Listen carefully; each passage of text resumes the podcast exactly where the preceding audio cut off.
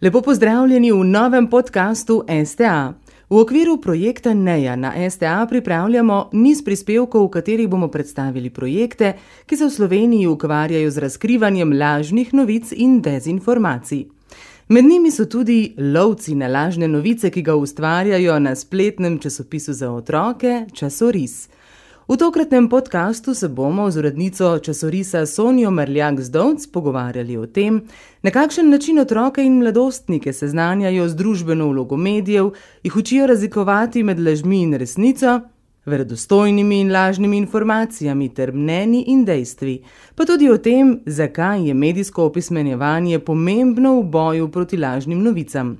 Povzetek pogovora je objavljen tudi na nejni spletni strani neja.sta.si. Sonja, pozdravljena. Pozdravljeni, najlepša hvala za povabilo. Uh, mogoče lahko sam na začetku takoj povem, da sem velika občudovalka projekta NEA. Ne? Uh, naš omaš NEI je tudi to, da imamo v lovcih Kajo in Nejo. to je v znamenom. Uh, tako da se mi zdi super, da sem povabljena in še enkrat najlepša hvala. Torej, časoris je spletni časopis za otroke, pri svojem poročanju pa se lotevate na različnejših tematik. Kako recimo skušate otrokom približati tudi bolj kompleksne teme, ki so veliko krat zapletene tudi za odrasle? Je to mogoče drugačen način poročanja kot siceršnje novinarsko delo? Ja, predvsem poskušamo razmisliti, kaj otroci o tem vejo uh, in koliko jim lahko mi še dodamo. Ne? Zelo pomemben je jezik, uh, v katerem pač o nečem poročamo, ne? se pravi, da niso uporabljene tujke, da niso kakšni prekomplicirani strokovni izrazi.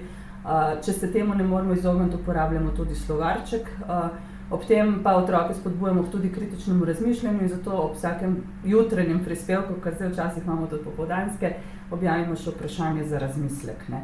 Ampak predvsem jaz poskušam, da tudi sodelovkam vedno svetujem predstavljati sebe pred 12 ali pa če imajo v svoji bližini, jaz na srečo imam otroke v svoji bližini, njih, ne, nek, neke konkretne otroke, kako se z njimi o kakšnih stvarih pogovarjamo in pač poskušam jih spomniti, naj, naj si predstavljajo, kako bi neko stvar njim razložili. No. Um, mislim pa, da v bistvu ta neka osnovna pravila pisanja uh, to vrstnih besedil niso tako komplicirane. V bistvu gre preprosto, da poveš nekimi preprostimi besedami, vendar ne banaliziraš, ne? Um, da, da spoštuješ svoje bralke in bralce, torej v tem primeru otroke, um, da upoštevaš, da neke stvari že vedo, nekatere stvari pa jim je treba mogoče razložiti. Mhm. Pa so morda kakšne tematike, ki pa se jim izognete pri poročanju za otroke, recimo, da jih ne obravnavate? Mislim, da takih tematik ni. Eh, res pa je, da je v bistvu, kar sem jaz najbolj šipka tudi na samem gospodarskem področju, se nekaj globalnih ekonomskih uh, tem ali pa tudi v končni fazi lokalnih tem ne lotevamo razen, če je to res pač taka breaking news, uh, da, pač nam, da presodimo, da je potrebno, da tudi otroci o njih vejo. Recimo taka tema so kriptovalute, bitcoini, ne, uh, ki so ali pa NTF tokni, ne, uh, žetoni, ki so v bistvu še za nas odrasle zelo komplicirani. Ne. Uh, ampak hkrati pa vemo, da se otroci o tem pogovarjajo. Vemo tudi, da recimo nekateri že trgujejo v srednjih šolah uh, s kriptovalutami ne, in zato pač tudi te teme umestimo. Um, če, ne, če ne recimo kot news, ne, imamo pa na srečo kolumnistko Majo Vreče Zarnesa, ki recimo ona potem um, napiše prispevek, sicer njeni so za odrasle, ampak pač v nekem upanju, da bodo odrasli potem to prebrali in se, mislim, vsaj spomnili, da to obstaja in se o tem pogovorili s svojimi otroki in mladostniki. Mm -hmm. No, v preteklem letu in pol je bil poseben izziv za novinarje poročanje o novem koronavirusu. Sploh na začetku, ko tudi strokovnjaki še niso vedeli, v javnosti so se pojavile najrazličnejše ali pa celo nasprotujoče si informacije. In vi ste v tem času tudi zagnali projekt Lovci na lažne novice in druge zgodbe iz sveta dezinformacij, s katerimi naslavljate ravno problem medijske pismenosti med otroki in mladostniki. Eh, kaj vse počnete v okviru tega projekta? Ja, to je sicer letošnji projekt, ampak smo pa že lani dejansko začeli uh, biti zelo pozorni na to, da pač podajamo verodostojne informacije otrokom in preko otrok tudi pač, uh, odraslim. Um, že lani smo v bistvu imeli en projekt. Uh, ki je bil evropsko financiran, ki je bil temu namenjen. In takrat smo tudi naredili kaj in ne, se pravi, te dve deklici, ki pa sodelujeta zdaj, to sta animacije, ki sodelujeta pri tem prlovcih. Uh, uh, oni dve sta pa takrat o koroni spregovorili, oziroma niti ne toliko o virusu samem, ampak tudi kaj ne otroci, pač kako ne preganjajo dolg čas, recimo, uh, kako ne se soočajo s svojimi stiskami. Skratka, vse to da jim pomaga um, prebiti ta korona čas. Recimo, um, otroci seveda prav tako vse zvedo, kot rečeno, ne, če si mi odrasli, mislimo, mislim, če si domišljamo, da jih lahko pred stvarmi zaščitimo, se motimo, ne, če ne drugače zvejo na šolskem igrišču od prijateljev. Zato v bistvu na nek način naša dožnost, da jim stvari pojasnimo na ne, njim razumljiv način, hkrati pa da zadeve umestimo v prostor in čas, da jih ni strah. Uh -huh. Uh, oni pač del medijske pismenosti je, da vejo, kako mediji delujejo, zakaj kakšne teme izberejo, kako jih ob, obdelajo, zakaj jih ob, objavijo. Recimo, in, in ti imaš lahko neke izjemne dogodke, ki so strašno strašljivi, kot so bili teroristični napadi v letu 2015, ampak hkrati je pomembno, da vsaj uh, za otroke, da jim povemo, da so to izredno redki, ravno zato, ker so izredno redki dogodki, v njih mediji to poročajo, ampak občutek pa imaš, da je to nekaj, kar te ogroža. Ne? Pa v bistvu ni tako zelo neposredno ogrožujoče kot kakšen drug dogodek. Mogoče. In to je naša naloga. Lovci na lažne novice in druge uh, oblike, druge, kaj smo že danes, druge zgodbe sveta dezinformacije. Tlele smo za naloč uporabili dve besedi, se pravi lažne novice in dezinformacije, zato ker pač seveda mi se zavedamo, da je lažna novica, beseda, termin lažne novice je zelo rabljen, ne, uh, da ga uporablja marsikdo, ki hoče nekaj diskreditirati. Ne. Um, da pravi izraz je dezinformacija, v tujini celo uporabljajo malinformation, misinformation, dezinformation, ampak mi teh nijans nimamo prevedenih v slovenščino, zato torej izraz dezinformacije tudi v naslovu projekta.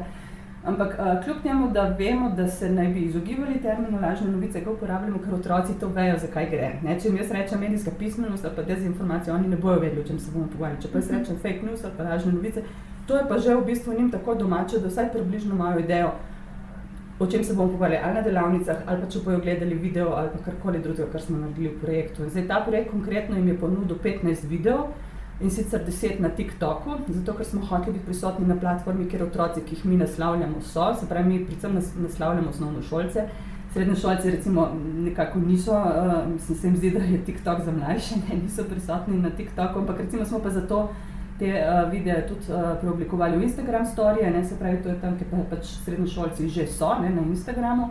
Vse skupaj smo objavili še na YouTubu, pet animacij smo pa naredili prav posebej za YouTube, ne, ker pač vemo, ko hodimo v šole ne, in ko se pogovarjamo z otroki, vemo, da oni pač so na YouTubu, na TikToku, na Instagramu. Ne, skratka, ideja je bila, da tam, kjer otroci so, tam jim pripeljemo te informacije, se pravi, to, medijsko, uh, mislim, to kampanjo medijske pismenosti.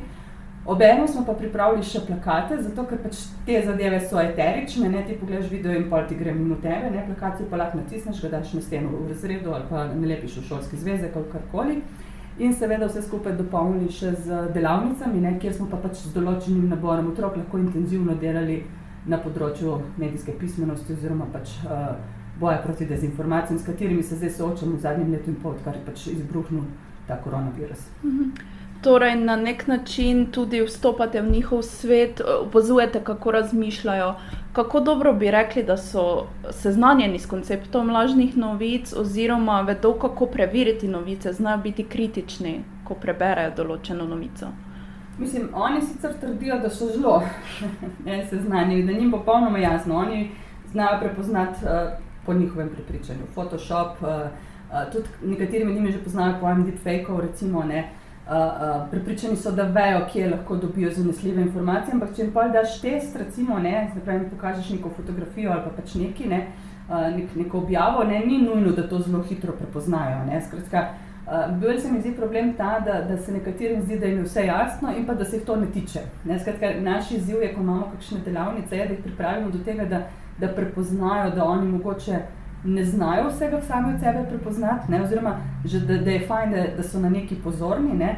Hkrati pa seveda, da jim povemo, zakaj je to pomembno tudi za njih, ne, kako pač eh, vse te stvari, ki prihajajo do njih, vplivajo na njihovo življenje. Zdaj mi seveda uporabljamo zelo preproste primere, zato ker z njimi v bistvu jih imamo kot ledolomilce, ne, se pravi, z njimi odpiramo temo ne, in potem lahko iz tega grejo oni potem na vse bolj kompleksne teme. Ne. Je pa tako, bom rekla, ne se to ni problem samo otrok, ne, pač opažam v zadnjem letu in pot, kar pač imamo to korona zgodbo, ne, uh, mogoče sam med klic, ne, zato ker mi dejansko v Sloveniji se prej nismo soočali s tako poplavo dezinformacij, kot so se recimo v Ameriki ali pa kakšnih drugih državah, kjer so že veliko bolj bili pozorni na to, da se dezinformacije pojavljajo na družbenih omrežjih. Ne. Pri nas je recimo res skozi korono vse skupaj se bolj intenzivno začelo ne. in opažamo, da imajo s tem težave tudi odrasli. Ne tudi odrasli težko prepoznajo uh, de, neke oblike dezinformacije, recimo, kdaj so neke informacije namenoma zavajoče, ne vem, da nekdo zasluži drugi, da nekomu drugemu da škodijo. In uh, že pred časom je raziskava Vanikona pokazala, da Slovenci bolj zaupajo svojim bližnjim, prijateljem, sorodnikom, staršem, pomorkoli, kot pa medijem. Ne? Zato, ker seveda v medijih vedno slišijo, da vem, so senzacionalistični, da jemljajo stvari iz konteksta in tako naprej. Valjda prijatelji, starši, sorodniki, zakaj bi jih mi zavajali? Ne? Problem pa je, da seveda ne upoštevajo, da mogoče oni njihovi prijatelji, sorodniki, starši nimajo zmožnosti znanja, veščin, preverjanja. Ne? In da so mogoče oni tudi nasedli na lažno novico ali pa pač neko dezinformacijo in jo širili naprej. Ampak, ker ti misliš, on me valjda noče nič hudega, noče mi škoditi, bom verjel. In tak recimo najbolj banalen primer je bil, recimo, vem, da če piješ toplo vodo, uživaš česen ali pa ne. Da je že malo hujši, da si s fenom grlo, da se bo zaščitil pred koronavirusom. In zdaj, če ti pač misliš, da si zaščiten in drugih ukrepov nisi sprejemal, se je v bistvu lahko zgodilo, da si se okužil. Ne? Ampak to je bila dezinformacija, ker to ni res, ne? s tem ti nisi zaščiten. Ampak ker ti je poslala teta, ki ti je dobro namerno to poslala, ker ti hoče v bistvu samo dobro, ne? ni pa znala sama preveriti, da je to res, je v bistvu lahko nastal problem. Ne? In s tem se mi trenutno soočamo. Ne? Da moramo vsi skupaj se naučiti znova, komu lahko zaupamo in nekih osnovnih veščin preverjanja dejstva. Recimo, taka čisto osnovna stvar je, če je prelepo dobro, da bi lahko bilo resnično, mogoče ni. Oziroma, jaz sem ravno pač na enem majskem izobraževanju slišala zanimiv stavek, če je preveč slabo, da bi lahko bilo resnično, tudi mogoče ni. Skratka, če to ozavestimo vsi skupaj kot družba, je to že prvi korak do tega, da potem začnemo preverjati dejstva in da se znamo odzivati glede na informacije, ki prihajajo do, do nas, pač ko presodimo, ali so vredostojne ali ne. V okviru tega je tudi morda pomembno, da seznanjate otroke z družbeno vlogo medijev, ker zdi se namreč, da se tudi marsikdo od, od odraslih ne zaveda popolnoma, kakšna vloga novinarstva in medijev danes v družbi. Kako pa mlade seznanite z družbeno vlogo medijev? Ja, mi se seveda pogovarjamo, zakaj mediji so, kakšna je njihova vloga, ne, na kaj vse vplivajo, kaj bi se zgodilo, če medijev ne bi bilo. V končni fazi sem zdaj pred kratkim slišala, da bi moral biti del medijske pismenosti tudi biznis, del medijev. Skratka, da začnemo pri mladih že tudi od zgodaj prevzgajati zavest da če je nekaj um, dobro, če je nekaj, kar pač uh, koristi, da je to tudi ne more biti zastojno ponovadi. Ne? Tako kot pač jaz sem vedno uporabljal ta primer, tudi pekarno ne greš, ne rečeš, da je tam eno žemljico zastojno. Zakaj bi nekdo pričakoval, da bo dobil kvalitetne vsebine zastojno? Ampak vedno jim bolj tudi povem, recimo, primere, kaj se zgodi, če medija ni. Recimo, kdo bo poročal o tem, da so vam pozidali otroško igrišče in tam postavili, ne vem, komu se boste obrnili kdo vam bo pri tem pomagal. In pa seveda, da oni znajo tudi vse čas presojati, ali je ta medij, ki ga uporabljam, še zmeraj verodostojen, ali lahko temu prispevku zaupam. Ne. Uh, naša naloga kot medija pa je seveda, da smo pri tem čim bolj transparentni. Ne. In da če se zmotimo, da pač priznamo, da smo se zmotili, ne, objavimo, da smo naredili napako in napišemo, kaj je prava informacija. Ne. To je pa tisto, kar mi imamo kot mediji, zato da ohranjamo zaupanje in kredibilnost. Kako pa se otroci odzivajo na te informacije, ki jim podate, kakšno znanje pri tem pridobijo? Mislim, oni na koncu, če ne drugega, zdaj vedno rečem, da je fajn, da vsaj razmislijo. Če jim bo nekdo poslal, da se je v pekinškem živalskem vrtu skotila oranžna panda, ne, da se reče, čakaj malo, no, ampak pande so črno-bele, kako je zdaj to možno. Da, skratka, da, da pomisliš, preden deliš, ne? da ne začneš kar zato, ker ti je nekaj blazno všeč, ali pa ker te je nekaj razjezilo ali pa razžalostilo, kar vse splošno deliti, ne da bi pomislil, da mogoče nekaj ni res. Ne? In da potem vsaj neke osnovne informacije pridobijo. In to se mi zdi, da če ne druge so se pa naučili vsaj to, da vejo, da obstajajo neki portali za preverjanje dejstev, da vedo, kje vire lahko uporabljajo in da so vendarle pri tem tudi pozorni ali so ti viri še zmeraj zanesljivi, ne? in pa zakaj naj ne sodelujejo v tej igri delitve dezinformacij. Tukaj seveda govoriva najprej o digitalnih medijih in pa družbenih omrežjih, kjer otroci seveda največ informacij danes pridobijo. Koliko pa se morda tudi vi v svojem projektu osredotočate še na tradicionalne medije, tisk, televizija, radio? Mislim, mi, ko se z otroki pogovarjamo, kje mediji so njim na voljo, seveda omenimo vse medije, ki so otrokom na voljo. Vedno izpostavimo tudi infodrom, uh, pil, recimo, ne, pa včasih omenimo Ciciban, ampak ponovadi so že preveliki za Ciciban, pa Ciciban tudi nima njusa, ne, ampak vseeno, kot medij, ki je njim namenjen, recimo kot revija, ki je njim namenjena, ne tako da se pogovarjamo o tem, kakšne vrste medijev so, revije, časopisi, televizijska, radijska poročila, spletni portali, skratka, da osvojijo tudi ta osnovna znanja. Ne. Um, je pa res, da kot rečeno, oni tiskanih medijev, razen tisti, ki pil kupujejo, tako rekoč ne uporabljajo. In če smem zdaj pač povedati, v bistvu je eno od idej, če so res, zakaj sem ga sploh pač leta 2015 ustvarila, poleg še ostalih, je bila ta, da takrat sem kot novinarka dela opažala, da zgubljamo eno generacijo bralcev, kajti v delu uredništvo dela so prihajali otroci iz osnovnih šol. In ko smo jih vprašali, kakšne medije uporabljajo, kakšne medije uporabljajo njihovi starši, so že oni pač razkrili, da pravzaprav že njihovi starši tako rekoč ne berejo časopisov, ne, uh, redko kdaj spremljajo televizijska ali radijska poročila, skratka informacije že pridobivajo kjerkoli pač, ne, da se pač um, obstaja tudi tujini strokovni izraz za to, ampak da v bistvu, ko te vprašajo, uh, kje si dobil informacijo, rečeš na internetu in sploh ne razmišljaš, je to tvoj friend objavil na Facebooku, je to bil nek verodostojen uh, časopis ali pa ne vem, uh, pač medijska hiša BBC ali pač kdorkoli, ki je to informacijo uh, uh, objavil. Ne. Skratka, zato je bila pač ta ideja, da mogoče lahko pač nekaj naredimo v to smer, da dobimo nazaj bralce, ne, da, da ukrepimo to zaupanje v medije, da začnemo nagovarjati že najmlajše, se pravi osnovno šolce v prvi in drugi triadi in tako v njih zgradimo neko navado uporabljanja medijev kot verodostojnih virov informacij. Ker v končni fazi oni že v tretjem razredu se ukvarjajo z mediji, z žanri, ne imajo v učbeniku za okolje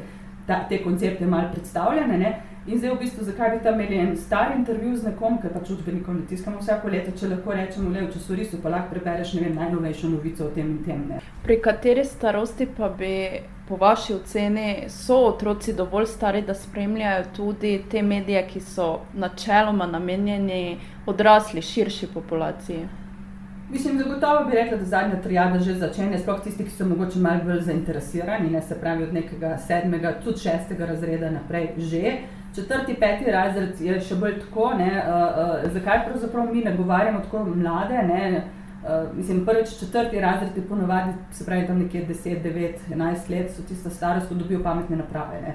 Uh, in ideja tudi časorisa je vedno bila, ne, da če jim starši kupijo nek telefon pameten, ne, ne jim naložijo aplikacijo ne, in povejo, lej, tukaj imaš pa tudi nekaj, kar ti koristi, ne, tle ti bo nekaj, kar ti bo pomagalo, tukaj boš vedel, kaj se dogaja in njim lahko zaupaš. Ne končni fazi mi z vsem z imenom in primkom, osebnostjo, vsaj v državi kot je Slovenija, ker se še kolikor toliko si poznamo, stojimo za tem, kar smo napisali. A, tako da oni recimo dobivajo telefone, se začnejo, odvisno zdaj, koliko jim starši dovolijo, ne vem, spoznava TikTok, uh, ampak tudi če ne grejo na TikTok in Instagram, kjer se moraš pojaviti, so pa zagotovo na YouTubu. Skratka, oni to poznajo, vejo, ne, da obstaja in tja grejo. Ne z tega vidika je zelo pomembno, da jim pač ponujemo tudi te vsebine, ki se nam zdijo res pomembne, da jih mi vsi skupaj kot družba imamo. Mislim, če ne drugega, verodostojne informacije, ker nič nam ne pomagajo aktivni državljani, če njihovo znanje temelji na dezinformacijah. Koliko pa je takšnega prikazovanja nekih vsebin, sicer v slovenskih medijih, je dovolj, da se vse dovolj posvetijo tudi populaciji otrok? Um, je pa res, da vseeno tega malo manj. Ne? Mislim, kar pa mogoče niti ni slabo, se tudi v tujini ni, recimo, ne vem, če se zgledujemo po najboljših, ni zdaj, da bi pač, ne vem, v televizijskih poročilih za odrasle bilo veliko vsebin za otroke, namesto tega pa pač imajo medije za otroke, recimo, ne vem, v Ameriki imajo Newsomatic, eh, v, v Kanadi imajo Teaching Kids News, eh, v, v Veliki Britaniji imajo First News, pa imajo pa še Newsreel, mislim, skratka v BBC-u imajo še tudi posebne news poročila za otroke. Mi imamo recimo za to infodrop, pil v končni fazi ima zelo veliko news, je pa res, da enkrat na mesec in torej ne more poloviti aktualnih dogodkov, ne, ampak pokrije pa zelo široko in globoko, lahko marsikaj. Tako da uh, otroci tudi ni nujno, da, da, da dostopajo v svet medijev skozi hardcore news, recimo, eh, če je National Geographic sedaj, nažalost ga zdaj v slovenščini ni več, ampak recimo, ko, ko je še bil ali pa če pač obvladajo angliško dovolj dobro, je tudi to en način, da se navadiš na uporabo verodostojnih virov vsebin. Potem tako se pač širi ta njihova zavest, kateri zanesljivi viri informacij so jim na voljo. Kako pa je z medijsko pismenostjo otrok v Sloveniji, kje smo v primerjavi z ostalimi, recimo evropskimi državami?